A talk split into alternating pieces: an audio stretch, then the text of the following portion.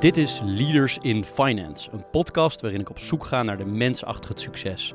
Ik praat met leiders van nu en later over hun drijfveren, carrière en privéleven. Waarom? Omdat er meer gesproken moet worden in de financiële sector. Mijn naam is Jeroen Broekema en voordat we beginnen wil ik de partners van Leaders in Finance hartelijk danken voor hun steun. Dat zijn Interim Valley, FG Lawyers, Otjers Berndsen Executive Search en Roland Berger. Veel plezier met deze aflevering.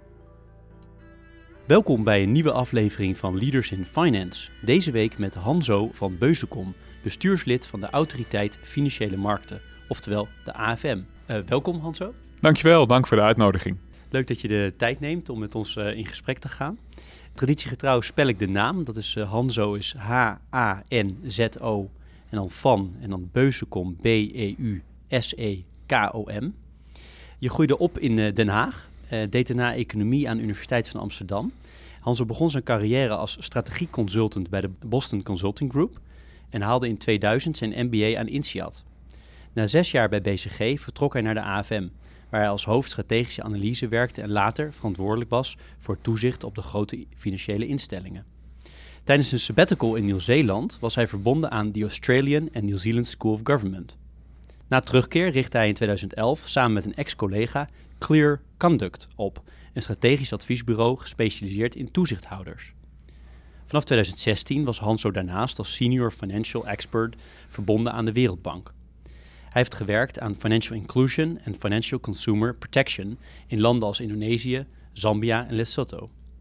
Sinds 2000 is Hanso betrokken bij verschillende NGO's.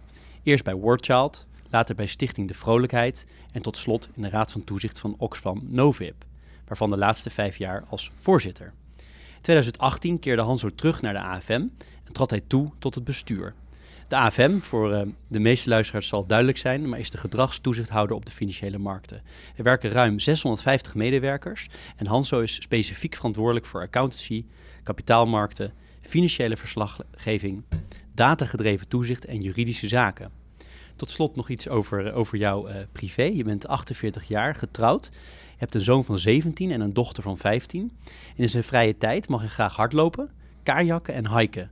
Dit laatste doet hij overal waar bergen zijn. En wij hebben opgeschreven van Zwitserland tot Nieuw-Zeeland. En hij woont in Amsterdam-Noord. Ja, klopt helemaal.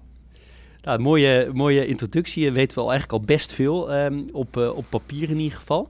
Waar ik eigenlijk mee zou willen starten is uh, jij hebt uh, wel eens um, Arthur Dokters van Leeuwen aangehaald, uh, las ik in de, in de voorbereiding. Die zei, quote, ook bij goed toezicht vloeit er wel eens bloed.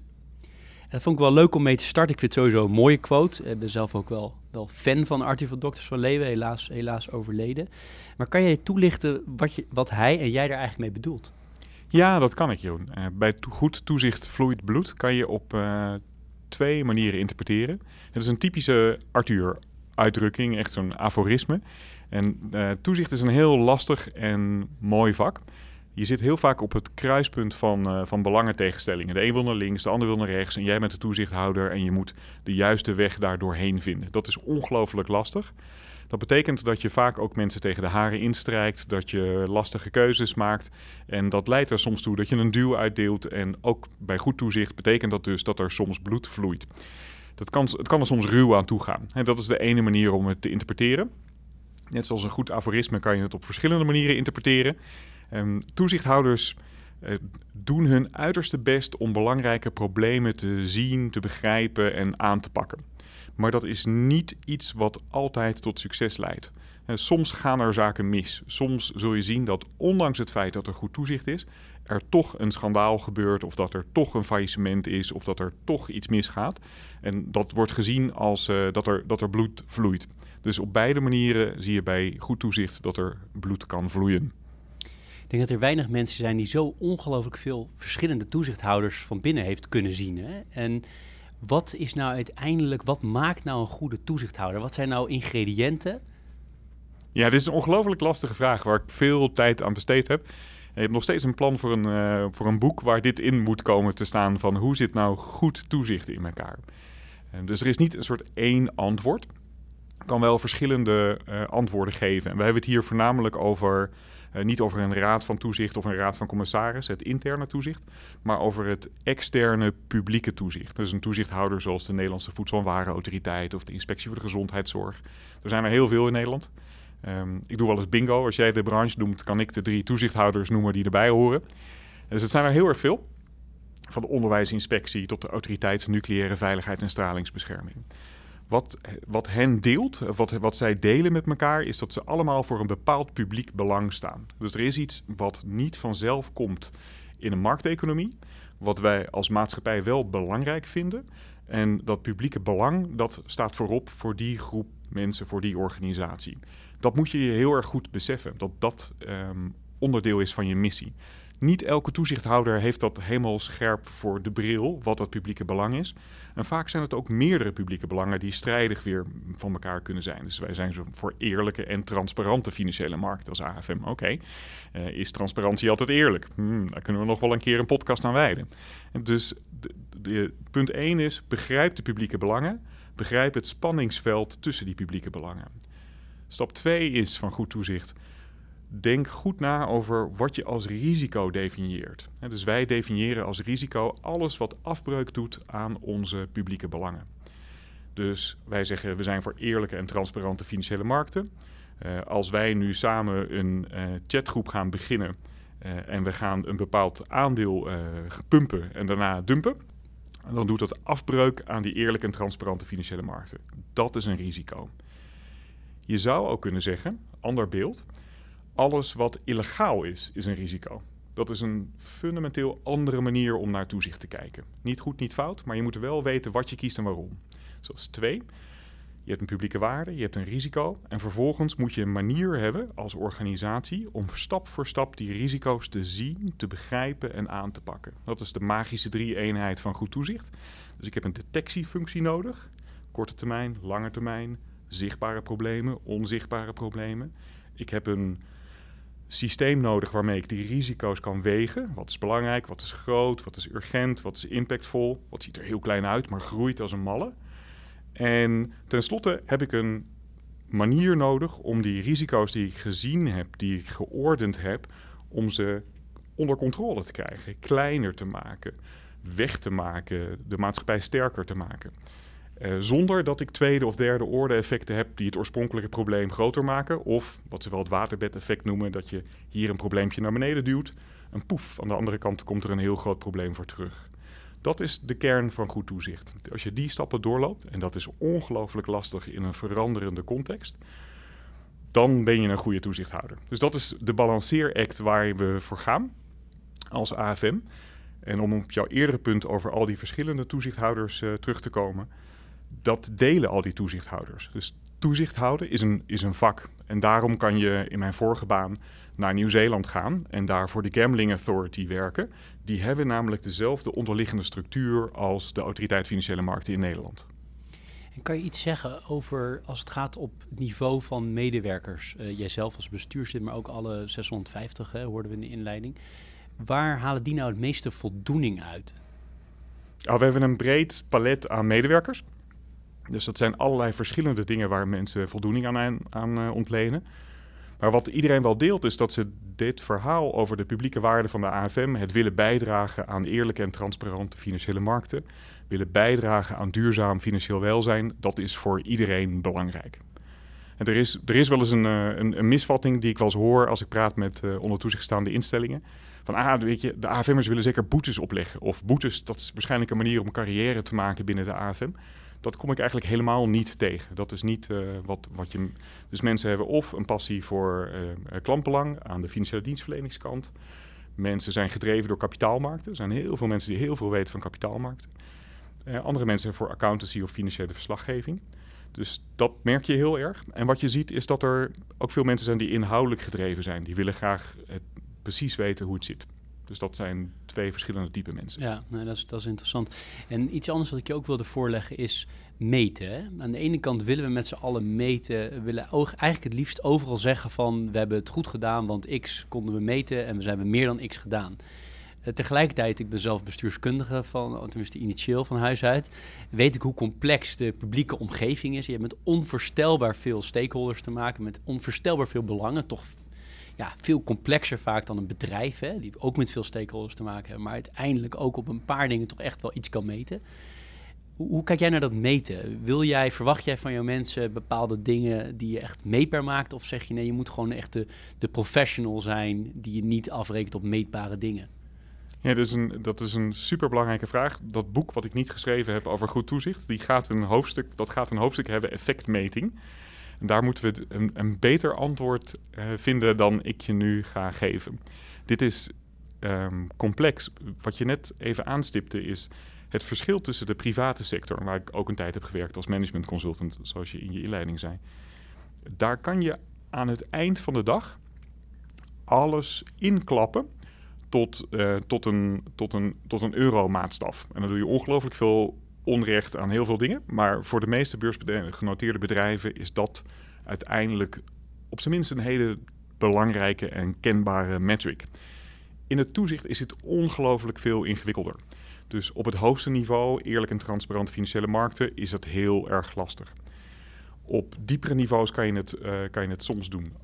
Uh, op specifieke onderwerpen. Bijvoorbeeld, uh, we kunnen meten hoeveel overkreditering er is bij consumenten. we kunnen meten um, hoe het vertrouwen is in de accountant. Dus je kan onderdelen um, meten, maar ik plaats het altijd in een breder perspectief dat ik meer metrics wil hebben en een verhaal wil hebben hoe ik een bepaald probleem of een bepaald risico stap voor stap zie ontwikkelen. En daar kan ik iets mee. Met een single metric, met een enkelvoudige maatstaf, is levensgevaarlijk, omdat je heel snel doelmiddelverwarring krijgt omdat het een incompleet beeld geeft van een groter probleem. En metrics zijn heel erg sterk. Mensen gaan erop focussen. En het gevolg daarvan is bijna altijd dat je perverse incentives gaat krijgen en dat je ergens anders uitkomt dan waar je wil. Het meest pijnlijke voorbeeld daarvan is zijn altijd harde handhaving. Dus ik verzet me tegen elke doelstelling op het gebied van harde handhaving omdat dat ertoe leidt dat mensen gaan zoeken naar... oké, ik moet nog een last om de dwangsom opleggen. Ik moet nog een boete hebben. Dat zijn middelen. Dat is geen doel. En het uit elkaar houden van doelen, goed toezicht, publiek belang en middelen... is van levensbelang voor goed toezicht. Interessant. Als je mensen om je heen zou vragen, denk ik dat veel mensen zouden zeggen, um, als een van de eerste dingen om jou te typeren, dit is echt een, een toezichthouder, iemand die echt heel veel weet van toezicht. Hoe is dat zo gekomen en klopt het? Ja, dat moet je vragen aan, uh, aan, aan mijn familie of aan mijn gezin. Uh, mijn dochter heeft op een gegeven moment, ik denk voor Vaderdag, een, een poster voor me gemaakt. En daar stond op: uh, Toezicht is een vak. En dat, die hangt nog in mijn werkkamer. En dat, uh, die heeft ze opgehangen omdat ik daar zo vaak over verteld heb en blijkbaar ook met enig enthousiasme. Dat, uh, dat blijkbaar me wel in enige mate typeert.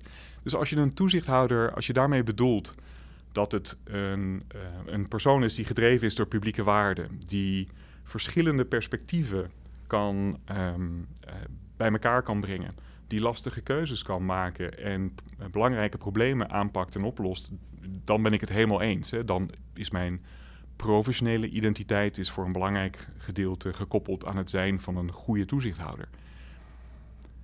Als je daarmee bedoelt een soort parkeerwachter die bonnetjes uitschrijft omdat er iemand zijn wiel uitsteekt over het parkeervak, eh, dan ben ik het niet met je eens. Dus in de brede en in de brede manier denken over toezicht zoals ik dat zelf doe, ben ik het helemaal eens. In een smalle manier niet zo snel. Hoe het zo gekomen is, is een, uh, dit soort dingen groeien. Dus ik, niemand wordt geboren als toezichthouder, niemand wordt geboren als, uh, als podcastmaker. De dingen ontwikkelen zich stap voor stap. Je doet een stapje en dan blijkt iets te haken en dan komt er een volgend stapje. Dus um, ik denk dat bij mij kwam het in eerste instantie door de overstap van de Boston Consulting Group naar de Autoriteit Financiële Markten in 2003. En er is een tweede stap achteraan gekomen toen ik een, een, een week Executive Education deed op, uh, op Harvard bij uh, professor Malcolm Sparrow. Dat een fantastische cursus. Hij wordt nog steeds gegeven. Strategic Management of Regulatory Enforcement Agencies. En daar had ik echt zoiets, dat klikte echt bij me. Daar ging echt van aan. Dus ik was die hele week zeg maar helemaal vol kennis op aan het zuigen van ah.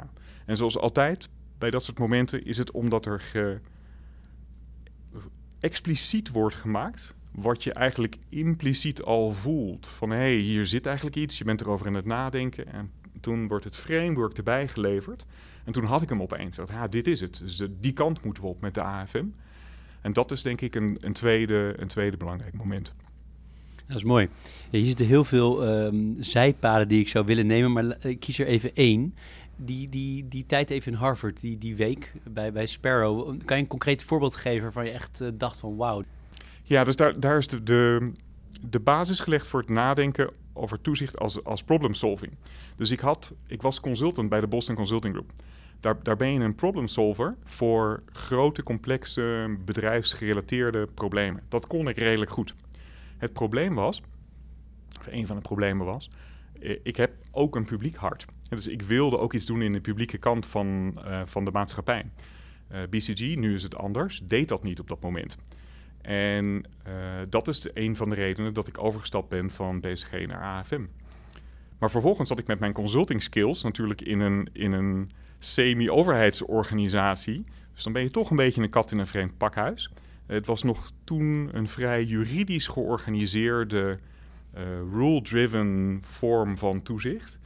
En dat schuurde op allerlei manieren. En ik dacht eigenlijk van, hé, hey, het moet volgens mij anders, maar ik begrijp niet precies hoe. En eigenlijk zou je problem-solving skills los moeten laten op toezicht. En Malcolm, hij is later een goede vriend geworden, of nog steeds een goede vriend, dus ik, uh, ik, ik zal hem Malcolm noemen. Um, uh, bracht dat bij elkaar. En, en dacht ik, hé, hey, je kan problem solving doen op toezichtproblemen. En toen dacht ik, ah, dit, dit is het. Fantastisch voorbeeld in zijn boek uh, The Regulatory Craft. Niet heel makkelijk leesbaar boek, wel interessant. Er zit een voorbeeld van hoe je met, uh, met gangs in Boston omgaat. En er was een eindeloze hoeveelheid uh, geweld en geweld en geweld en geweld. En toen hebben ze de tactiek bedacht van een, uh, van een, van een ultimatum. He, van de, want het waren te veel gangs om aan te kunnen pakken. Te veel geweld, veel gang-on-gang violence. Toen hebben ze een specifieke datum gekozen en gezegd: voor die datum moet het geweld stoppen. Na die datum springen we met alle law enforcement op de eerste die schiet. En dan pakken we ook alle openstaande warrants en we rollen de hele gang op. Niet alleen de persoon die, die schiet, maar de hele gang. En nou, dat hebben ze gedaan en daar hebben ze behoorlijk veel succes mee gehad. Fantastisch voorbeeld hoe je met het creatief inzetten van sociale druk, uh, peer pressure uh, en uh, andere ja, strategisch inzetten van handhavingsinstrumenten een groot publiek belang kan bewerkstelligen. En dat, nou ja, dat vind ik een fantastisch idee hoe je met toezichtsinstrumenten belangrijke problemen kan aanpakken. Prachtig, uh, prachtig antwoord. Andere uh, avenue die ik in zou willen is, uh, je zegt van ja, op een bepaald moment vanuit, vanuit de gedachte dat je ook publieke dingen wil doen, ben je van BCG overgestapt naar, naar de AFM. Hoe gaat zoiets heel concreet? Werd je gevraagd? Ben je zelf op zoek gegaan? Je had ook senior partner partnerschap bij BCG die kant op kunnen gaan. Dus hoe, ging dat praktisch? meestal bijna alle switches in mijn carrière heb ik zelf gedaan. Dus ik ben blijkbaar niet de type, type persoon die, uh, die, die wacht tot het die gevraagd wordt. Uh, hier kwamen verschillende dingen bij elkaar. Het ging goed met mij bij BCG. Het is, een, het een, een, een, fantastische club. Ik was nog geen senior partner. Ik zat ergens halverwege de piramide. Dus ik was een jaar of zes, zes onderweg.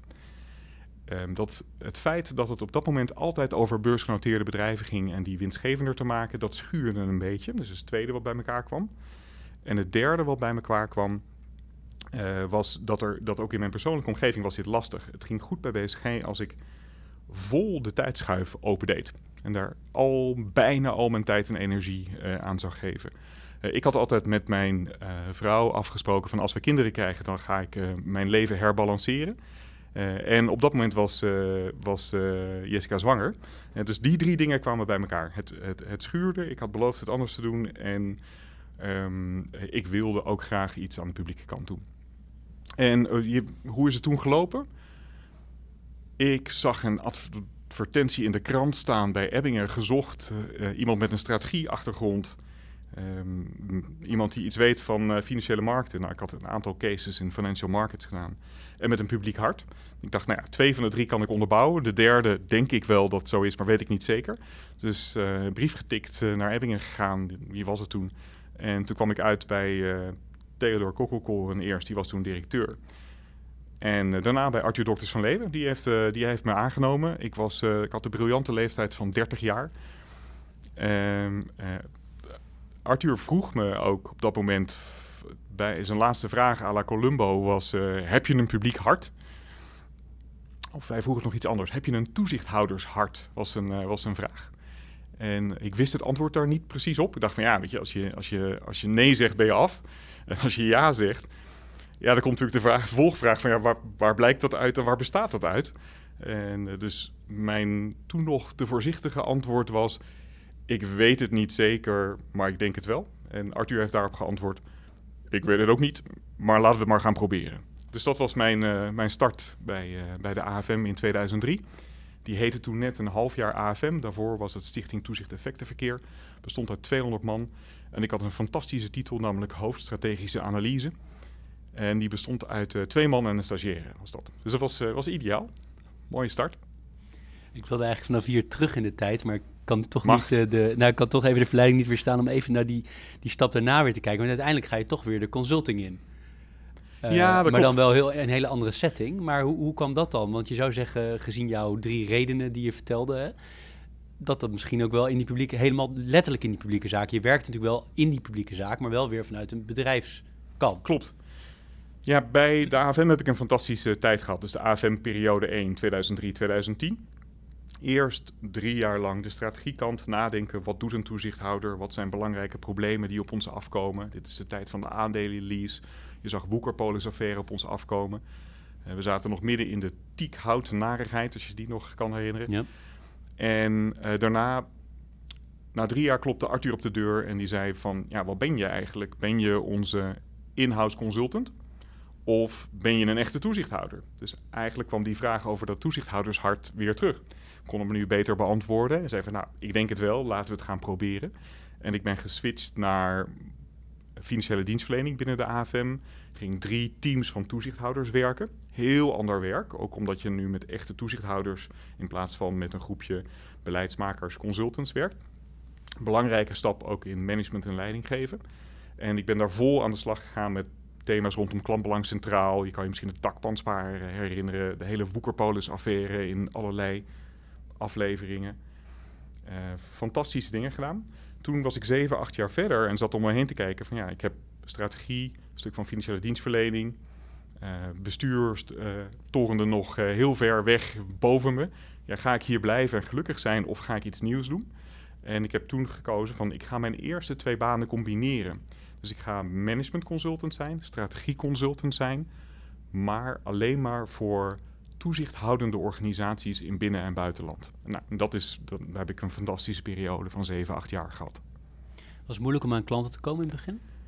Ja, dat is, dat, dat, we zijn gestart uh, heel dapper in um, mei 2011, uh, mid-financial crisis. Dus iedereen zei, je bent hartstikke gek. Het was, uh, het was, ik had een sabbatical van een half jaar in Nieuw-Zeeland. Dus ik ben vanuit Nieuw-Zeeland klanten gaan bellen. Dat is nog ik denk dat er net Skype was, maar het, was, uh, het was wel even gedoe, ook met timezones. Ik heb het altijd spannend gevonden. Dus het ging altijd, de eerste helft van het jaar ging het goed. Het zijn altijd projecten van drie tot zes maanden.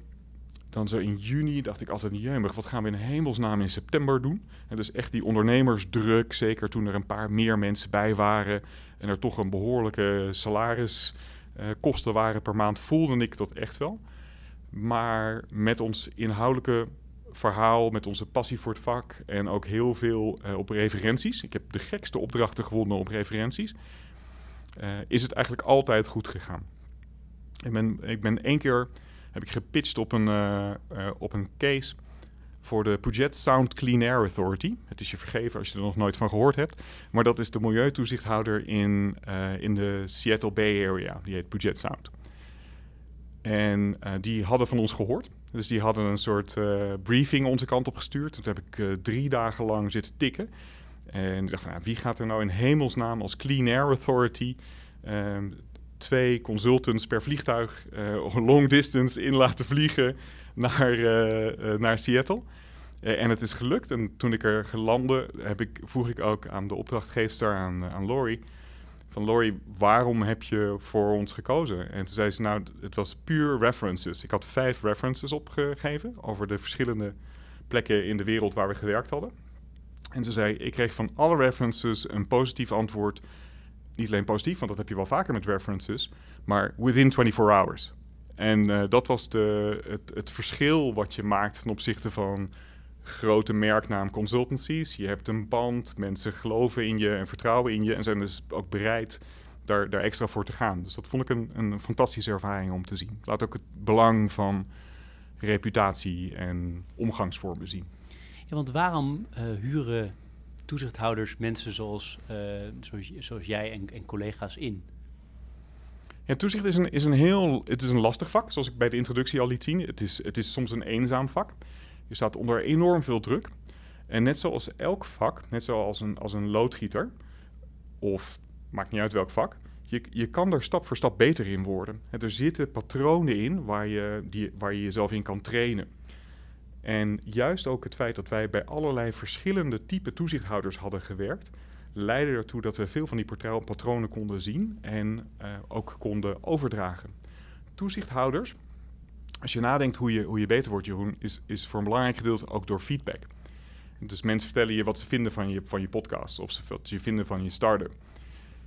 Toezichthouders zijn, hebben, krijgen veel en veel te weinig feedback van wat je goed doet en wat je niet goed doet. Als je over onze positie nadenkt, ik krijg twee typen feedback van, van onder toezicht staande instellingen en beide zijn niet heel makkelijk om op te bouwen. Eh, de ene is van, nee, het gaat echt helemaal fantastisch. Nee, dankjewel. Ik ben een hele goede toezichthouder. Hm. Want ja, wat hopen mensen dan? Nou, als ik positief feedback eh, geef, krijg ik geen gezeik. Of er is een of ander issue of een issue geweest, of in een ander stuk van de organisatie. En dan is het, nou, het deugt allemaal niet. En het, dus het is heel moeilijk om goede, doordachte feedback te krijgen. Dat is in alle omstandigheden zo, maar het is dubbel waar voor toezichthouders. Dus wij konden als externe consultants een spiegel voorhouden en ook onderbouwen hoe je stap voor stap uh, zo'n organisatie beter kan maken. Ik ga nu proberen op een hele soepele manier, maar dat gaat zeker niet lukken, uh, terug te gaan naar jouw jeugd. Misschien zou een, een, methode kunnen zijn door te zeggen, zagen jouw ouders of jouw familie jou altijd ook als iemand van, dit zou wel eens de richting in kunnen zijn? Of hoe zagen ze jou als kind? Ik denk het niet. Ik denk, ik denk dat ze me een andere richting, andere richtingen zagen. Ik denk dat ze meer, maar ook in het bedrijfsleven zagen of, uh, of in de politiek. Ik denk niet dat ze heel veel nagedacht hadden over uh, een richting in, uh, in het, nou, waar we nu geland zijn. Dus ik denk dat, dat, dat ze daar een ander, een ander beeld bij hadden. Maar, volgens mij zijn ze redelijk happy. Mijn ouders leven allebei nog. Ze luisteren zeker, dus ze moeten een beetje oppassen op zeggen. Maar ik denk dat ze hartstikke blij zijn met waar ik geland ben. Ze hebben me altijd vrijgelaten in heel veel keuzes die ik gemaakt heb. Maar ze hadden niet verwacht dat ik bestuurder bij een toezichthouder zou zijn. Nee. Maar wat voor soort dingen moet ik aan denken? Hoe zagen ze jou als een... Ik ga wat suggesties doen om jou wat tijd te geven om rustig na te denken. Maar noem wat zag je als een heel energiek iemand? Als iemand die... Of meer als een arts of een notaris? Of meer iemand... Zagen ze je als een echt een intellectueel of meer een doener? Nou, ik geef een paar hints, maar ik, ik heb geen idee. Oké. Nou, je hints zijn best wel goed. Ik weet niet hoe goed je gegoogeld hebt, maar uh, mijn vader was arts. Uh, mijn vader mijn vader heeft uh, me nooit heel hard gestimuleerd om ook arts te worden. Maar um, ik denk dat ze me wel zagen als een, uh, als een energiek persoon die vaak vrij veel hooi op zijn vork nam. En ik was in mijn jeugd ook bezig met allerlei vormen van jeugdpolitiek. Dus ik uh, zat in het Europees Jeugdparlement en in de Model United Nations. Dus volgens mij hadden ze een beeld van het zal die kant wel opgaan. Dus daar, dat zijn elementen die ze denk ik in hun, in hun hoofd hadden. Kan je iets zeggen over hoe je bent? Wil je iets delen over hoe je bent opgegroeid verder? Wat, uh, ja hoor. Ja. Ik ben, uh, zoals je in de inleiding al zei, geboren, geboren en uh, getogen in Den Haag. 0 tot 18 uh, in Den Haag. Ik heb één oudere broer. Mijn vader was, um, was anesthesist. Een, een, medisch specialist, maar wel een, een dienend beroep. Het is niet de top van de, ijs, de top van de piramide in een ziekenhuis, maar wel een, een belangrijke teamspeler, een belangrijk onderdeel. Ik vond het vroeger altijd heel leuk om met mijn vader door Den Haag te lopen, omdat hij iedereen kende. En iedereen, iedereen groette. En ook in het ziekenhuis iedereen groeten. Dus dat is ook wel een van de dingen die ik uh, meegenomen heb. De ander als, uh, als mens zien, ongeacht als uh, positie, rol in de maatschappij. Dat, dat vind ik belangrijk. Um, mijn moeder heeft economie gestudeerd, niet afgemaakt. toen gaan secretaresseopleiding gedaan. Mijn vader door zijn kooschappen heen gefinancierd. En is daarna het, het gezin gaan runnen in, in Den Haag. Den Haag vond ik hartstikke prima. Ik vond het heel fijn om dicht bij de, bij de duinen te wonen. Ik hield erg van, van windsurfen, dus je kon op zee windsurfen. Ik vond het ook apensaai, eerlijk gezegd. Dus tussen 0 tot 14 is prima, 14 tot 18. In de jaren 80 uh, was het echt een hele ambtelijke stad. Het is nu veranderd. Dus ik ben vervolgens echt vol enthousiasme Amsterdam ingedoken om daar economie te gaan studeren. En je vertelde in het voorgesprek dat je een aantal dingen van Leaders in Finance hebt geluisterd. Dan weet je dat één onderwerp wat mij altijd, wat ik altijd heel interessant vind, zijn normen en waarden. Hè? Wat voor dingen kan je concrete voorbeelden geven van normen en waarden die je mee, waarvan je echt denkt, oh, dat hebben mijn ouders er zo ingeramd? Ja, ik vraag me af of dat zo werkt. of het zo werkt dat je van thuis echt keihard dingen meekrijgt. Ik zie normen en waarden als iets wat groeit en als ontwikkelt. Dus volgens mij kan je zaaien in de jeugd. En kan je dingen vervolgens door omstandigheden of door karakter tot bloei laten komen. Dat, uh, dus dat uh, vooraf gezegd. Wat ik heel duidelijk mee heb gekregen is, um, uh, is, is, een oog voor eerlijkheid. Mijn ouders zijn echt ongelooflijk eerlijk op het belachelijke af, ook tussen mijn broer en mij. Dus het moest altijd heel precies verdeeld worden, tot, op, tot op de gram. En het andere is een, een vorm van, van dienstbaarheid. Mijn vader was een heel dienstbaar arts in het belang van de patiënt. als anesthesist ook um, erg betrokken bij, bij pijnbestrijding en palliatieve zorg.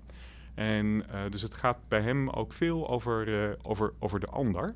Dus hij uh, heeft, heeft in zijn leven door een fysieke handicap zelf veel pijn geleden. En ik vind het heel opvallend dat hij desalniettemin het voornamelijk in zijn werkzame leven heeft over de pijnbestrijding bij de ander en niet bij zichzelf. En ben jij nou economie gaan studeren omdat je dat bij je moeder had gezien? Of heeft het hele andere, hele andere motivaties? Nee, het was denk ik, het was een paar dingen. Um, het was, het was mijn, ik heb een zes jaar oudere broer en die studeerde economie in Groningen.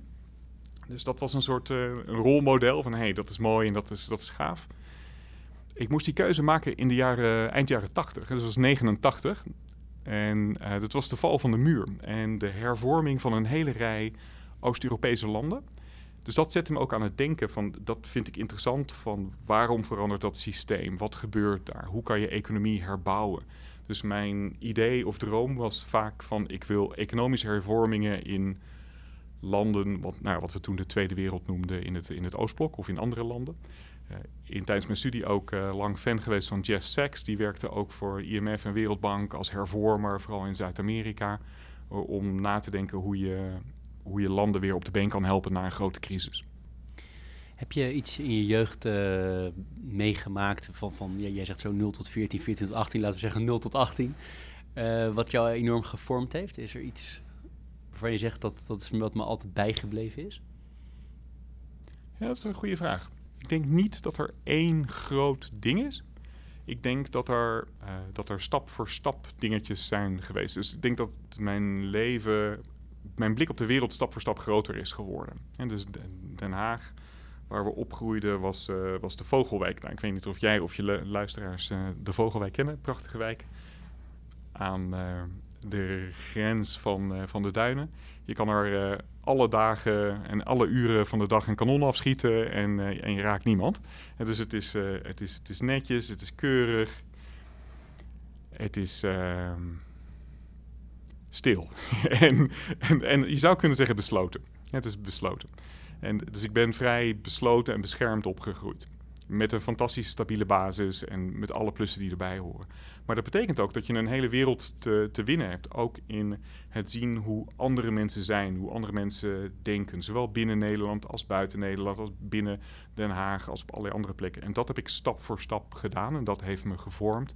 Er zijn verschillende elementen in. Ik noemde al even de jeugdpolitiek. Dus ik ik zat in het Europees Jeugdparlement. Ik ben nog een tijdje vicevoorzitter geweest. Dus dan ging je allerlei Europese landen af.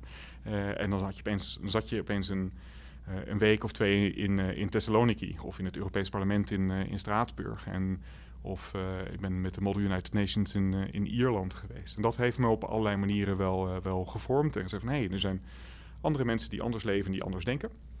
En dat ben ik stap voor stap uit gaan breiden. Dus nou, Amsterdam is alweer anders dan, dan Den Haag. En uh, tegen de tijd dat je bij Oxfam Novib bent, dan heb je wel de, de, de, hele, wereld, uh, de, de hele wereld om je heen.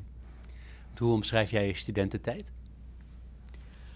Mijn studententijd zat nog in de fase dat ik nog niet ongelooflijk breed georiënteerd was. Dus ik zat bij een traditionele studentenvereniging en ik deed uh, traditionele studentendingen. Dus een van de dingen die ik, uh, uh, die, waar ik over nagedacht heb en wat in de loop der tijd veranderd is en wat me, wat me tekent, is dat die stabiele basis is, is, is fantastisch. En het is een, een, een geprivilegeerd, zou je het tegenwoordig denk ik noemen. Maar het heeft een, een, een mild bijkomend nadeel dat er allerlei verwachtingen zijn. dus er zijn verwachtingen dat je gaat studeren. Er zijn verwachtingen dat je naar een bepaalde studentenvereniging gaat. Er zijn verwachtingen dat je een succesvolle carrière hebt. Het heeft me best wel even tijd gekost, voornamelijk kort na mijn studententijd. Dus periode BSG, Switch, AFM. Om dieper, harder na te denken van wat wil ik nou eigenlijk zelf? En wat doe je, ik vind dat een hele belangrijke vraag, wat doe je omdat mensen het van je verwachten? En wat doe je omdat je het zelf wil? En dus in die zin was mijn studententijd aan de ene kant heel erg vormend. Er zijn groepen die ik heel graag zie, ervaringen die heel bijzonder waren. Maar het was niet een stap richting bredere ontwikkeling, grotere groep mensen ontmoeten. Ik vind dat, dat dieper nadenken heel interessant.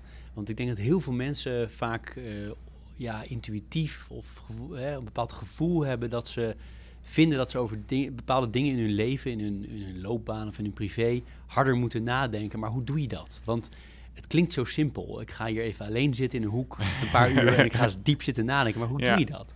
Nee, zo doe ik dat niet. En dus ik praat als ik denk. Dus ik merk ook dat ik nu ik met jou aan het praten ben, ben ik over allerlei dingen weer aan het denken en er komen weer beelden terug.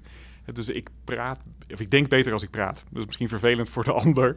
Uh, maar het, uh, dat is de manier hoe het bij mij werkt. Dus ik denk, het heeft ook met extraversie versus introversie waarschijnlijk te maken. Maar ik denk vrij slecht in mijn eentje. Ik probeer het wel eens. Maar het werkt alleen maar alsof ik doe, als ik doe alsof er anderen bij zijn en dat ik op een, op een whiteboard kan kalken. Anders werkt het niet. Um, dus ik denk door te praten. Wat wel helpt is, is lezen. Is, is nadenken over hoe andere mensen vergelijk, vergelijkbare problemen hebben, hebben aangepakt. Het, is natuurlijk niet een uniek probleem van wat wil ik in het leven. Sterker nog, het is het oudste probleem wat er is waarschijnlijk zo'n beetje. Dus daar zijn ongelooflijk veel mensen die daar ongelooflijk hard over nagedacht hebben. Dus dat kan je lezen, kan je lezen en dan praten. Daar word er beter van. Het derde wat enorm helpt, eh, daar, daar um, daar schaatsen mensen natuurlijk graag en vaak overheen. Dus crisis. En dus um, uh, versie 1.0 van het verhaal was van ja, um, uh, ik zat bij BSG, woon naar AFM, ik wou van privaat naar ook publiek en oh ja, Jessica was zwanger. Maar versie 2.0 van het verhaal natuurlijk, dat was natuurlijk een spanning van je welste. Want ik wou eigenlijk voor de helft van mezelf helemaal niet weg bij BCG. Ik wou gewoon verder op die, die piramide in. En, en, en door. En het ging daar goed. En dus, dus je hebt vaak ook een vorm van, van, van crisis, druk, stress nodig om uit je comfortabele positie waar je bent weer ergens anders te komen en dan er daar weer achter te komen van hé, hey, maar hier kan ik ook functioneren en dat gaat eigenlijk hartstikke goed en eigenlijk is het hartstikke leuk en veel van de beelden die ik vanuit BSG had over hoe overheid in elkaar zit, kloppen eigenlijk helemaal niet. En nu ik erin zit, blijkt het heel anders te werken. Heb je bepaalde mensen in jou, uh, uh, dan hebben we het over, ik vind dat wel een prettige manier van praten, niet 0 tot 18, maar nu van 18 tot nu, ja. die jou echt gevormd hebben of waar je dan die gesprekken mee hebt, die heel belangrijk voor jou geweest zijn in jouw nadenken over wat je eigenlijk wil? Ja, die zijn er zeker. En het, het zijn er best veel. Ik merk dat ik hier vaak over nadenk van wat kan ik van de ander leren? Wat kan ik van de ander zien? Wat zit er in zijn of haar perspectief wat ik passend bij mij vind en wat ik verder wil ontwikkelen. Dus, dus ik, soms is het vanzelf ontstaan en soms denk ik er bewust over na. Um, ik heb altijd ongelooflijk veel geluk gehad met uh, goede managers en bazen. Uh, ik heb eigenlijk nooit, bijna iedereen heeft wel eens een rijtje van managers waar ik voor gewerkt heb die een eikel waren. Die, die heb ik niet. Dus binnen, binnen Boston Consulting Group was, uh, was Albert Krijgton was een van de eerste mensen die mij onder zijn vleugels genomen heeft, waar ik heel veel van geleerd heb. Hoe werkt het vak van consultant zijn? En welke waarden horen daarbij? En hoe doe je dat goed? Hij is volgens mij nog steeds uh, partner en baas van BCG in, in Nederland. Toen ik switchte naar, ehm, naar de AFM was heel duidelijk... Arthur Dokters van Leeuwen is een gigant in toezichthoudend Nederland. Dus ik beschouw hem als een van mijn toezichtvaders, als je dat zo wil zien. En, um, dus ik heb mijn leven lang, of zijn leven lang, uh, hij is net een, een, half jaar geleden overleden, uh, contact met hem gehouden en met hem gepraat over, over toezichtdilemma's. Uh, Theodor Kogelkoren was directeur en bestuurder en ze komt daar dichtbij, dichtbij in de buurt. Malcolm Sparrow, hij kwam al even voorbij, wereldwijd autoriteit op het gebied van toezicht. ontzettend trots op dat dat een, een goede vriend is met wie ik veel nadenk over, over toezicht. Dus dat zijn aan de professionele kant een paar, een paar voorbeelden. En wat ik al zei eerder, ik, ik, zie waarde als iets wat je, wat je ontwikkelt, wat je test, wat je groeit, wat sterker wordt door handelen. Het is niet iets abstracts. Dus het is ontzettend belangrijk met wie je je omringt, met wat voor type mensen. Dus in, uh, bij Clear Conduct was, uh, was Robert Bart was mijn, was mijn eerste, eerste partner, met, met z'n tweeën gestart. En zijn integriteit is heel erg hoog. Hij is nul commercieel gedreven, puur op wat goed is, wat goed is voor de klant. En dat heeft heel erg geholpen in het stabiliseren en laten groeien van, van Clear Conduct. In mijn persoonlijke leven is, is veruit Jessica het meest belangrijk, waar ik het meest mee praat, het meest mee nadenk. Ze is uh, lerares op een middelbare school. En wat je merkt en wat ik erg van haar oppik, is de kracht van het zien van de individuele leerling in haar geval, of de individuele mens in het, als je het breder trekt, dan zie je dat leerlingen voor je gaan rennen en uh, heel veel voor jou of voor het leerproces over hebben.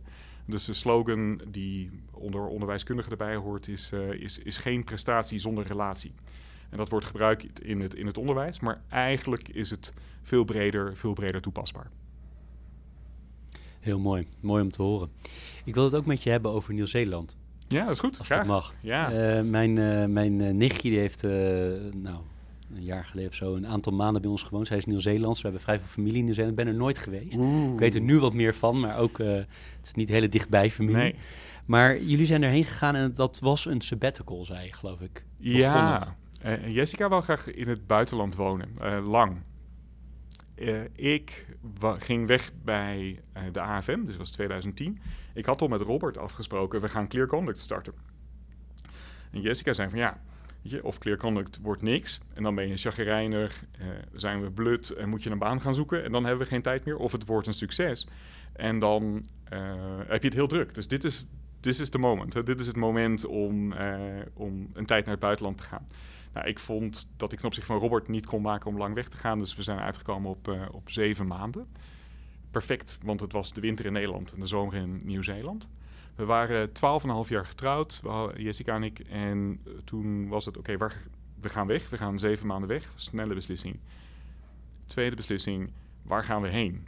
Uh, Jessica spreekt vloeiend Spaans. Ik had geen zin om als een soort idioot achter in een Spaanstalig land achter Jessica aan te lopen. Dus het moest Engelstalig zijn, ook goed voor de kinderen. Zuidelijk halfrond, want winter hier, zomer daar. Mooie natuur, dat waren de criteria. Dan heb je drie landen over. We hebben gekozen voor, uh, voor uh, Nieuw-Zeeland en het was de perfecte keus. We hebben volgens, vervolgens een half jaar gebakkeleid over welke plek in Nieuw-Zeeland. Wat heel interessant is, omdat we er beide nooit geweest waren. En Jessica heeft gewonnen. Uh, we zijn gegaan naar Dunedin, wat de zuidkant van het Zuideiland is. was een perfecte keus, want ik was voor Christchurch. Dat is een minder leuke stad. En bovendien vlak voordat we daar landen en vlak daarna was er een enorme aardbeving. Dus zo zie je maar weer. Je moet niet al te hard je eigen mening door blijven duwen. Hoe oud waren de kinderen? Vier en zeven. Dat, was het makkelijk voor hen?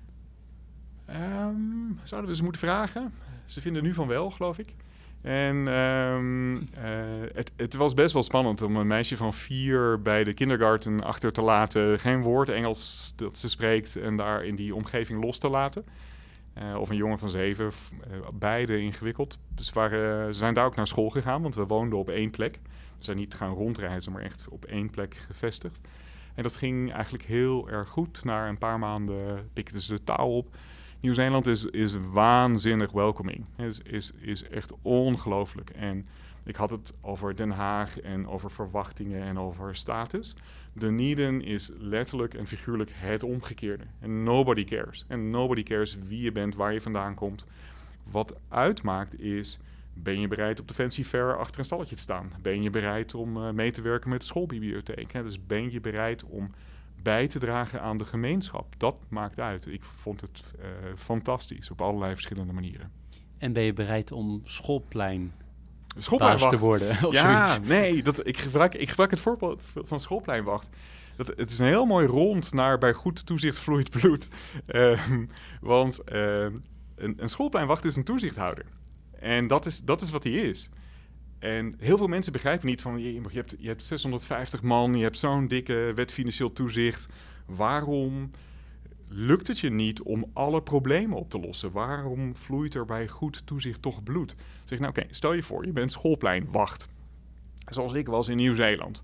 Even voor je beeld. Een schoolplein in Nieuw-Zeeland is niet hetzelfde als in Heemstede. Een schoolplein is five acres. Het is, dat zeg maar zes voetbalvelden. Er zit, het glooit. Er zit een, uh, een takelbaan in. Een rugbyveld.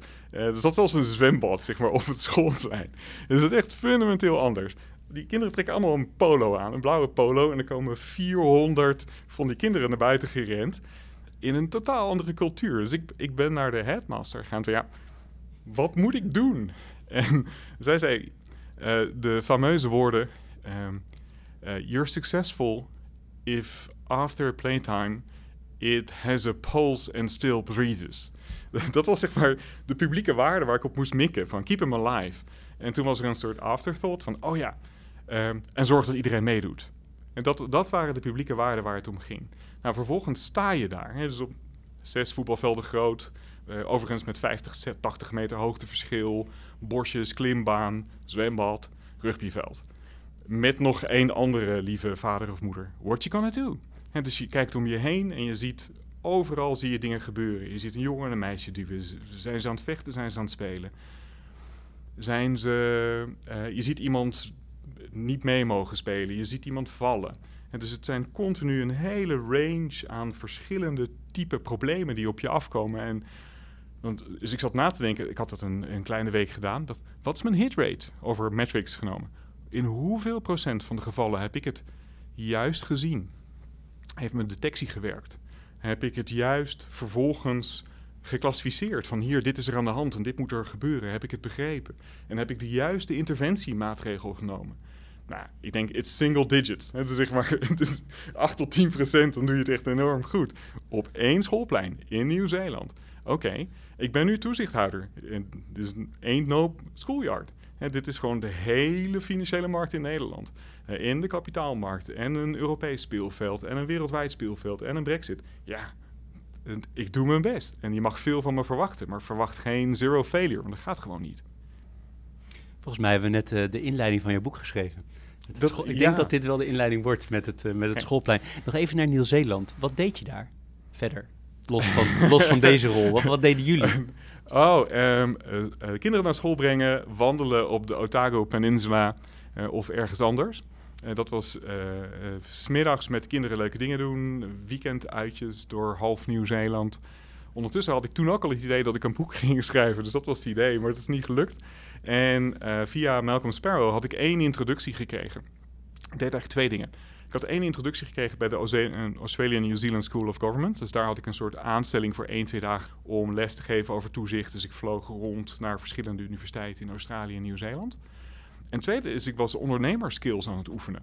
Ik dacht, nou, niemand kent me hier. En ik ben uh, uh, belletje gaan trekken bij uh, allemaal toezichthoudende organisaties. mails geschreven, gebeld, langs gegaan in Wellington en Auckland. Om te zeggen van, hé, hey, ik kan jou een workshop geven en geef me tien stapels documenten en ik ga zorgen dat stap voor stap jouw toezicht beter wordt. Dat heeft me enorm geholpen ook om te oefenen. De practice is gewoon ongelooflijk belangrijk als je ergens beter in wil worden. En het heeft me ook geholpen om wat schroom van me af te werpen. dus toezichthouders verkopen niks. Ik hoef, ik hoef je niks te verkopen. Um, als ondernemer moet je dingen verkopen. En ik was gewend als hier nou, behoorlijk hoog in de AFM, dat iedereen neemt de telefoon op. Als ik binnen de AFM belde of mailde, iedereen reageert. Als ik buiten de AFM als hoofd van een toezichtafdeling naar een onder toezicht instelling belde, iedereen reageert. In Nieuw-Zeeland, niemand ken je, niemand reageert. Oké, dus je moet bellen, nog een keertje bellen, langs gaan. Hé, hey, ik ben toevallig in de buurt. Nou, dus dat heeft heel uh, veel geholpen ook om die vaardigheid te ontwikkelen. Uiteindelijk snap ik dat het afhangt van hoe je het definieert. Maar zou je niet juist ook in je huidige rol heel veel moeten verkopen? Namelijk, je moet verkopen wat je doet aan de politiek, aan de samenleving, aan je medewerkers. Je moet eigenlijk continu ook verhalen vertellen die iedereen koopt. Hè? Die iedereen, ja, koopt is een raar woord in deze. Maar moet je niet juist ontzettend goed zijn in sales hier? dat heb je, zoals zo vaak in het leven, hangt het af van de definitie. Ik ben het met je eens. Als je een bredere definitie van, van verkopen en je pakt er meer, je neemt mee overtuigen, beïnvloeden, dan ben ik het helemaal met je eens. En dus we zitten hier natuurlijk op een knooppunt van belangen. Belangen van consumenten, van beleggers, van onder toezicht staande instellingen. Uh, vervolgens, die financiële instellingen moeten ook nog onze rekening betalen. Um, vervolgens is er politiek die allerlei verwachtingen van ons heeft. Is er een internationaal speelveld. Dus we zijn als bestuur, samen met Laura en Jos, zijn we continu bezig om afwegingen te maken tussen die, uh, tussen die belangen. Dus dat klopt. Hebben ook altijd een, eh, een teaser en een pleaser. Dat, dat weet je dan ook. Uh, want ik eerder al zei dat je ook wel, uh, wel dingen geluisterd hebt van, van Leaders in Finance. De teaser die ik had opgeschreven is al jouw, jouw klanten, noem ik hem maar even. Hè, dus al jouw onder toezicht staande organisaties. Als je naar die hele groep kijkt, wat je zelf al zei, heel breed. Heb ik opgeschreven, de cultuur in de financiële sector is meer geld gedreven dan gemiddeld de, van de gehele economie. En daardoor zijn de incentives toch wel heel veel meer geld gedreven in, in het handelen. En is de cultuur daardoor ook echt significant anders. Nog even los van dat we daar een waardeoordeel aan, geven. Ben je het daarmee eens? Een paar, ik, zal, ik zal je vraag in, in een paar stappen beantwoorden. Uh, stap 1. We leren hier iedereen bij de AFM dat we geen klanten hebben. Dat komt namelijk omdat ze niet kunnen bepalen Ehm, welke dienstverlening ze afnemen. En ze betalen alleen maar heel erg indirect, nooit direct. En uh, we delen namelijk heel vaak verplichtingen uit in plaats van diensten. En dat, dat is een belangrijk onderscheid. Dat betekent niet dat je mensen of onder toezicht staande instellingen slecht moet behandelen. Integendeel, je moet ze juist dubbel goed behandelen, want ze kunnen niet weg. En dus je, ze, kunnen, en ze kunnen je maar heel moeilijk feedback geven.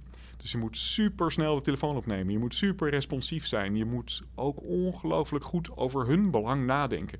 En je moet je verplaatsen in wat zij meemaken en wat zij doorgaan. Dat is allemaal van cruciaal belang als je goed toezicht wil zijn. Maar het zijn geen klanten. Want aan het eind van de dag moeten wij ook soms dingen doen die pijn doen en die naar zijn voor specifieke instellingen of financiële instellingen. Dus stap 1. Stap 2. Ik vind generaliseren ongelooflijk ingewikkeld. Dus ik, na, toen ik naar je vraag zat te luisteren, dacht ik van ja, financiële markt, wat bedoelen we? Bedoelen we uh, hedge funds, operators? Uh, bedoelen we handelaren voor eigen rekening? Bedoelen we iemand die een hypotheekadvies geeft in, uh, bij een bank? Bedoelen we een accountant? Dus het speelveld is wel heel erg breed, verschillende type instellingen. En binnen elk van die instellingen zit natuurlijk weer een enorm scala aan mensen. Maar laat ik het iets concreter maken. Sorry, dat is de eerste keer dat je een beetje nee, onderbreekt. Maar um, laat, doordat al deze mensen met geld werken, tenminste bijna allemaal, ja, de organisaties in ieder geval, zijn ze ook meer gericht op geld. Ik denk, ik weet, niet of ik, ik weet niet of er onderzoek naar gedaan is. Het zou heel interessant zijn. Ik denk dat je, dus met caveat 2, die gaat van let op, dit is breed en verschillend denk ik dat je gelijk hebt. Dat er stukken zijn waar um, van banken, verzekeraars, pensioenfondsen misschien iets minder, waar dat iets meer speelt dan gemiddeld. De vraag is of dat erg is altijd. Want ik geloof dat mensen complex zijn, dat organisaties complex zijn. Ik geloof ook dat het belang, het klantbelang in de financiële sector, het denken daarover en het werken daaraan stap voor stap beter is geworden de afgelopen tien jaar. Dus dat is ook een trend die ik zie. Maar ik denk dat je gelijk hebt. Dat, uh, dat er stukken zijn van de financiële markten die sterk uh, money-driven zijn. En ik hoorde laatst uh, een mooie uitdrukking daarover dat, dat mensen binnen organisaties coin-operated kunnen zijn. Dat vond ik een heel mooi, heel mooi beeld. Van je gooit er een soort muntje in. Maar um, ik denk dat het verschilt binnen bedrijven, tussen bedrijven. En dat het in de Nederlandse context overigens een stuk beter is dan in heel veel onderliggende landen. Al is het maar ook door de bonusregels die we hebben, die ervoor zorgt dat de variabele incentive in Nederland in de meeste sectoren vrij sterk uh, beperkt is. Ja, het kan ook iets heel um, interessants hebben hè? als mensen heel erg geldgedreven zijn uh, in een bepaald deel of in een bedrijf of ergens. Dan is het ook soms wel weer makkelijker sturen, omdat daar dan vrij makkelijk, heb je vrij meetbaar, kun je daar iets op, op zeggen. Ja, Ik, het, holt ook, het holt ook uit. Dus het holt ook het nadenken over wat goed is en wat je zou moeten doen uit. Dus wij hadden het even over doel-middel en doel-middelverwarringen. Um, geld is op allerlei verschillende manieren in mijn denken en doen een middel. En um, uh, door het dominant te maken in de incentive structuur binnen een bedrijf, heb je een grote kans dat uh, dit middel wordt verheven tot doel. En uh, dus ik zou daar zeer voorzichtig mee zijn. En ik ben blij dat wij er binnen de AFM super voorzichtig van zijn. In alle werkomgevingen waar ik zelf gewerkt heb, um, ik zorg ervoor money is off the table. Het is als wij samen een partnership hebben, ik zorg ervoor, we maken één deal en that's it. En we gaan het er gewoon niet meer over hebben. Aan de pleasende kant uh, vragen wij uh, gasten, vraag ik de gasten altijd, hebben ze, of ze bepaalde boeken hebben die ze met heel veel plezier gelezen hebben, veel invloed op hun leven heeft, uh, hebben gehad of vaak geven aan mensen? Ja, ja. dus het, ik lees graag, tot, tot ongenoegen van, van mijn familie, voornamelijk non-fictie. Mijn flauwe grapje is altijd: waarom zou je lezen over dingen die niet gebeurd zijn? Uh, maar uh, ook dat ben ik aan het ontwikkelen. Ik lees ook weer uh, in toenemende mate fictie. En ik begrijp ook het belang van ja, doorleven van andermans ervaringen. En um, de, de, drie boeken kwamen in mijn hoofd op. De eerste is omdat het mijn denken over risico's veranderd heeft. Het zijn alle drie boeken die me op een of andere manier veranderd hebben.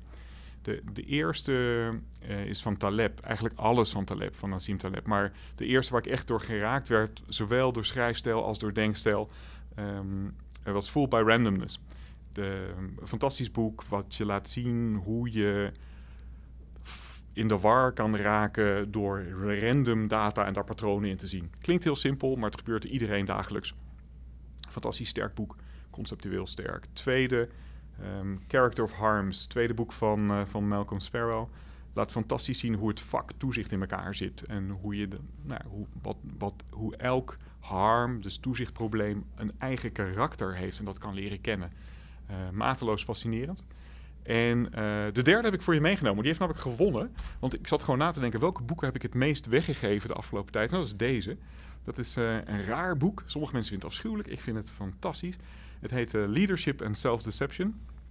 En het is niet geschreven door een, door, een, door een mens, maar door een instituut van de Arbinger Institute.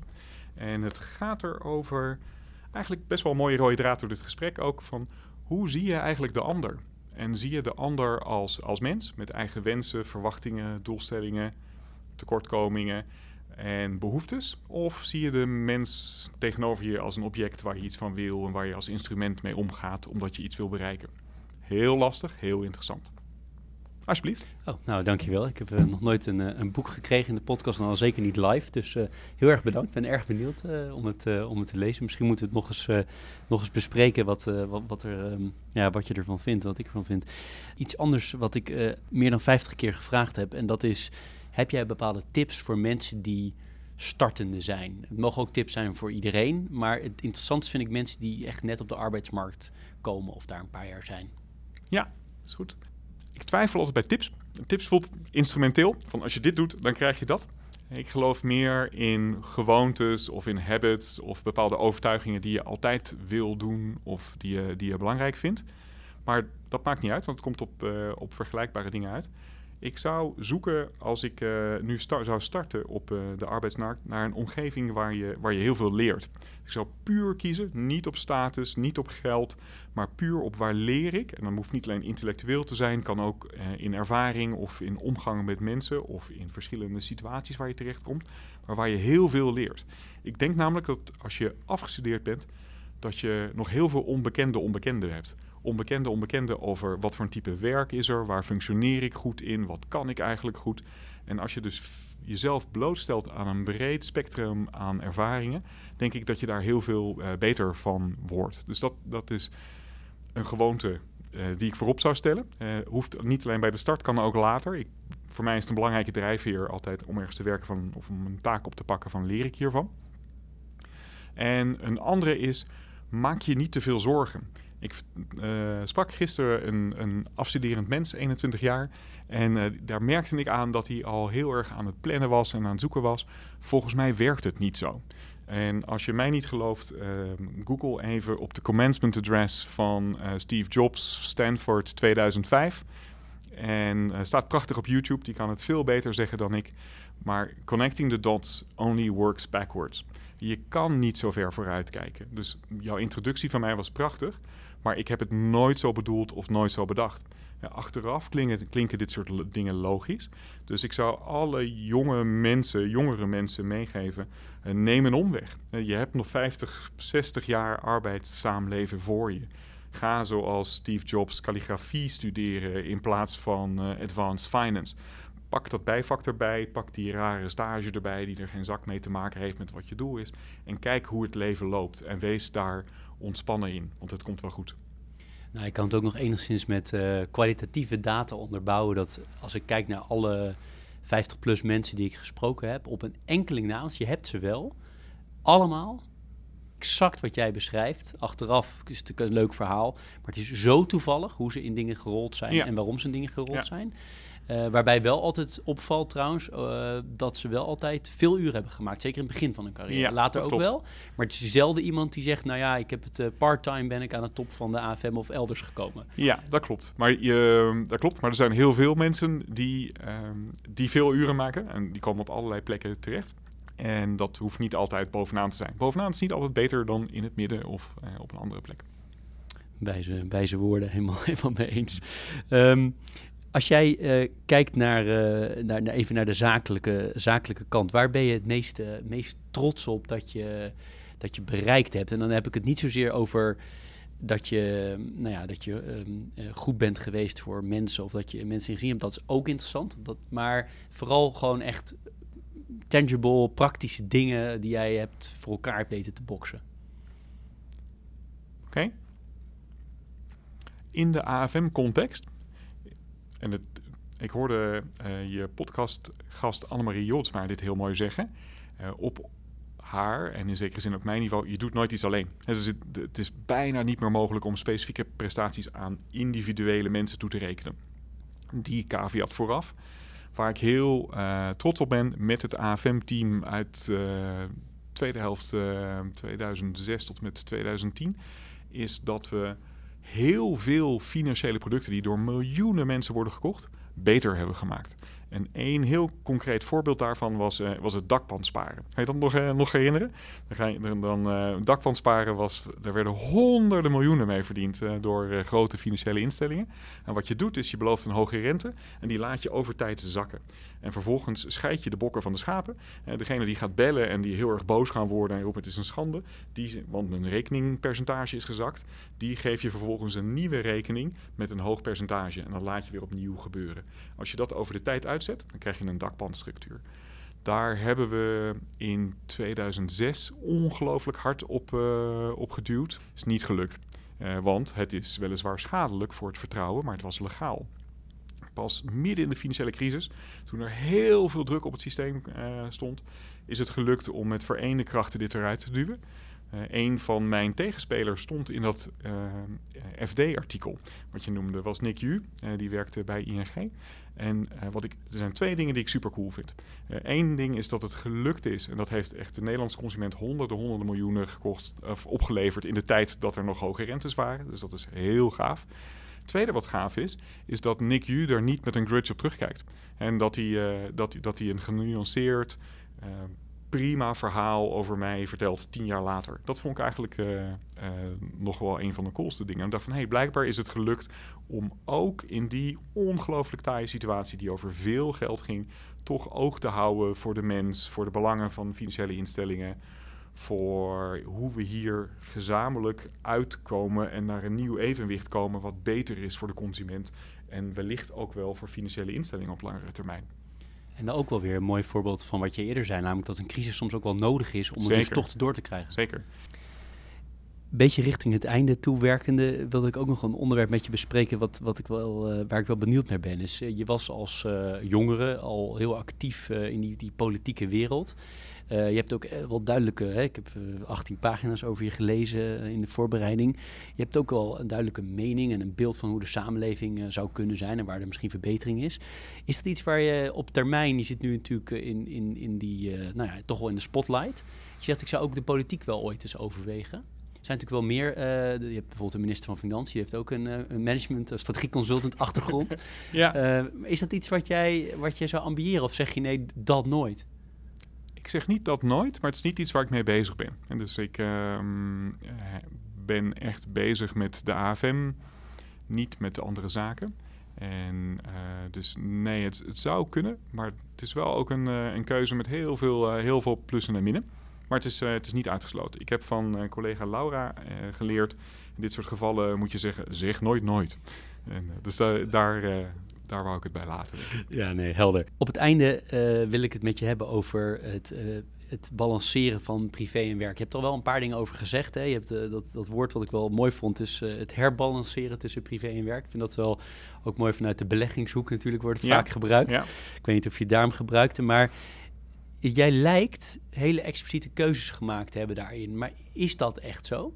Ja, ik denk dat ik wel een expliciete keuze gemaakt heb in dat breukvlak, wat ik zei, tussen, tussen Boston Consulting Group en AFM.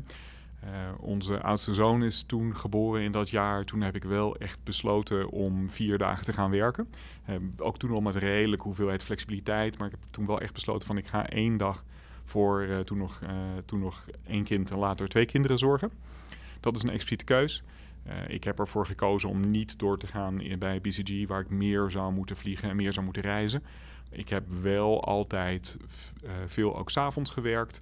Uh, ik denk dat als je een podcast zou maken over mijn vrouw, dat zij ze zou vertellen dat het ons nooit goed volledig gelukt is om de huishoudelijke taken te balanceren. En dus in die zin vind ik niet dat ik een ongelooflijk goed voorbeeld of rolmodel ben, omdat er altijd een, een groter percentage op haar is blijven leunen dan op mij. Maar dus het hangt er altijd heel erg vanaf met wie je het vergelijkt en hoe je het vergelijkt. Ten opzichte van de generatie voor ons is het behoorlijk goed. Ten opzichte van de generatie na ons, nou, weet ik het echt niet zo. En, uh, maar ik ben nu best wel happy met, uh, met work-life balance. Covid is natuurlijk raar, want al het reizen is eruit. Maar het, het, is, het is goed te doen. Ik vind flexibiliteit heel belangrijk. En een mate van controle ook. dus als je zelf je tijd kan indelen, als je zelf gevoel hebt dat je controle hebt over je agenda, dat helpt heel erg om uh, stressniveaus lager te houden. Dus die autonomie, niet alleen voor mij, maar ook voor alle andere medewerkers van de AFM, vind ik een heel belangrijk uh, goed. Hoe blijf je fit, zowel fysiek, we hebben fysiek, heb ik in de inleiding gezegd, uh, hardlopen, kajakken, hiken. Ik zag dat je marathons uh, hebt gelopen. Ja, die durf ik niet meer op de lijst te zetten, want het is al vijf jaar geleden en uh, dat, dat is te lang. Maar is, is, de, is fit blijven sporten en, en hoe blijf je mentaal fit, scherp? Ja, sporten, sporten helpt. Het is hardlopen gaat bij mij in golven. Dus ik heb een, uh, wat Amerikanen een big, hairy, audacious goal nodig voordat dat werkt. Dus ik heb een half of een hele marathon dreiging nodig voordat ik serieus ga hardlopen. Um, maar het, ik vind die uitdaging wel, wel cool en vind het heel leuk dat het me twee keer gelukt is. Ik weet niet of het voor mijn uh, fysieke gestel goed is om dat nog een keer derde keer te doen. Kajak heb ik opgepikt. Uh, in, in Nieuw-Zeeland. En dat is fantastisch. Daar doe ik nu ook veel in Nederland. Ik doe het zelfs in de winter. Ben uh, een paar weken geleden met zonsopgang uh, kon je mij vinden op het Markermeer. En dat is, dat is heerlijk omdat je 10, 10 kilometer buiten Amsterdam bent en in, in the middle of nowhere. En dus dat, dat is fijn. Vergelijkbare dingen geldt voor bergwandelen. Ik probeer een ochtendritueel op, te, op te bouwen. Ik luisterde ook je podcast van René Smits. Ik probeer elke ochtend te mediteren. Daar ben ik niet zo consistent in als René, dat ik kan zeggen dat doe ik al 30 jaar, uh, s ochtends en s avonds. Het is wel iets wat mij helpt om te reflecteren en om te luisteren naar jezelf van wat gebeurt er, waar ben ik mee bezig, hoe voel ik mezelf, uh, hoe kan ik rustig en stabiel deze, deze dag in. Nou, dus dat, dat gaat met, uh, met vallen en opstaan, sporten, boek lezen, fietsen naar je werk als het kan. Dat is, uh, dat is uh, belangrijk. Volgens mij ben je nog niet toegekomen aan de podcast met Robin de Jong. Die is, eh, leidt het uh, Detecting Financial Crime Center van uh, ABN AMRO. En hij heeft een heel mooi stuk vertelde die, op deze podcast over dat hij elke ochtend rond 6 uur springt hij. Dat kan bij hem, ik misschien bij jou ook wel, dat weet ik niet. Maar springt hij in het water. Oh jee. maar ook in de winter, het maakt niet uit. Hij springt in het water en hij heeft zelfs ook mensen in de straat, vertelde hij op de podcast, die dat nu ook doen. Misschien woont hij bij me in de buurt, want ik zie steeds, ik woon in Amsterdam-Noord vrij dicht bij het Noord-Hollands kanaal. En uh, ik zie best wel veel mensen naar het water inspringen. Maar zover ben ik nog niet. Zover verlicht ben ik nog niet. Het is, uh, het, dat lijkt me heel koud. En, maar ik, heb, ik weet uh, dat het goed voor je is. Maar ik doe het stap voor stap. Ik heb nog twee, twee vragen die ik, als het mag, wil, wil stellen. Um, de, eentje toch weer even terug, omdat dit Leaders in Finance is. Ben ik gewoon benieuwd naar zijn wij, uh, ben jij trots op de financiële sector? En ja, het is generaliseren, maar of vind je dat we eigenlijk een beetje te negatief zijn? Het is een beetje een suggestieve vraag, maar ik, waarom ik het interessant vind, zal ik erbij zeggen, um, is omdat heel veel mensen zeggen van ja, er, is te veel negativiteit over die, die financiële sector. En dan ben ik gewoon benieuwd hoe jij daar naar kijkt. Ja, ik denk, ik denk, dat je daar wel gelijk in hebt. Ik denk dat, dat, er, dat het niet helpt om consistent de financiële sector in een soort verdomhoekje te zetten. Er werken mensen. Er werken mensen in menselijke systemen die het goed proberen te doen. En soms gaat het goed en soms gaat het, gaat het niet goed. Dus dat, dus de, ik heb veel vertrouwen in, in de intentie. Ik vind soms dat de, de systemen en structuren zo in elkaar zitten dat het moeilijk is om, uh, om, het, om het goede te doen voor, voor klanten. Maar over het algemeen ben ik helemaal niet uh, van de school die zegt van oh, er zit, er allemaal kwaad in die sector. Nee, totaal niet. Het is een, een prima goede sector. Wat heel erg helpt is een beetje uitzoomen. Als je dan kijkt hoe aan de, aan de uh, financiële dienstverlening kant, wat voor een kwaliteit producten Nederlandse consumenten krijgen en um, tegen welke prijs? Dat is behoorlijk goed als je het vergelijkt met allerlei omringende landen. Dus bijvoorbeeld de systeemaanpassing van het provisieverbod, waardoor je niet meer betaald wordt voor het eh, hard verkopen van producten, maar betaald wordt voor de klant, is super belangrijk. En dat zorgt ervoor dat je het mogelijk maakt voor verkopers van financiële producten om in het belang van de klant te handelen. En dus zie je ook dat de kwaliteit van de dialoog tussen verkoper en koper in de, op de Nederlandse financiële retailmarkt heel veel beter is dan in onze omringende landen. Kan je ook gewoon zien als je het onderzoekt, ook in de prijs-kwaliteit verhouding van beleggingsproducten. Zijn er twee landen die er bovenuit springen in de EU 28, 27. Dus de UK en Nederland. Toevallig beide met een uh, vrij strikt provisieverbod. Dus dat helpt ook om mensen te helpen het goede te doen. Ik ben nu heel veel bezig met de accountancy-sector. Ik zie daar heel veel mensen die echt grote passie hebben voor het accountancy-vak en dat beter willen doen en dat stap voor stap beter willen maken. En ik geloof daarin dat dat oprecht is en ik geloof erin dat dat kan. Dus, uh, dus daar ben ik helemaal geen somberkijker. Uh, maar probeer ik echt vanuit verschillende perspectieven, inclusief het perspectief van het belang van de financiële sector, uh, te kijken naar wat is goed en wat is juist. Tot slot, is er iets waarvan jij zegt, Jeroen, ik vind het echt uh, jammer dat je het niet gevraagd hebt of iets wat je graag nog kwijt wil, zo aan het einde? Nee, volgens mij hebben we een hele brede tour gehad. Mooi, een mooi gesprek. Er zijn allerlei dingen die je niet gevraagd hebt, maar dat is prima. En uh, anders doen we wel uh, versie 2.0 als we weer in een hele andere rol zitten. Ik vond het hartstikke leuk, dankjewel. Zo vaak is het niet dat iemand vragen aan je stelt en dat je eindeloos mag antwoorden. Ik ga dit thuis ook introduceren, dat we elke avond een podcast doen en dat, uh, dat ik dan... Nee. Leuk. Nee, dat, dat die, die soort van uitnodiging, zo lees ik hem in ieder geval, om nog eens een keer een tweede gesprek te hebben, dat uh, dan wel in deze rol of in een andere rol, dat, daar wil ik je heel graag aan houden, want ik vond het een ongelooflijk leuk gesprek. Ik gebruik de laatste tijd het woord voorrecht vaak, omdat ik het zo ervaar, dat het een enorm voorrecht is om nou ja, mensen zoals jij zo lang te mogen bevragen. En ik vind het ongelooflijk leuk om al je antwoorden te horen en ook die combinatie van en je privé dingen waar je toch al open over bent, maar ook over hoe je naar het werk kijkt, is, is maatloos interessant. Ik hoop dat ik niet de enige ben die het interessant, maar ik weet eigenlijk heel erg zeker dat het niet zo was. Uh, niet zo is. En uh, met dank aan Bloemon, het uh, online bloemenbedrijf, krijg je zo'n klein cadeautje na afloop. En voor nu bedankt voor het luisteren en Hanso, ontzettend veel dank. Dankjewel Jeroen. Dit was Leaders in Finance. Veel dank voor het luisteren. Ik hoop dat je ervan hebt genoten. Voordat we afsluiten zou ik je willen vragen als je feedback hebt om deze te delen met mij via een Apple of Google review. Via de social media kanalen of natuurlijk direct per e-mail. Ik kan het altijd enorm waarderen als mensen dat doen. Tot slot, ik dank mijn partners voor hun steun. Dat zijn Interim Valley, FG Lawyers, Otjes Berndsen Executive Search en Roland Berger.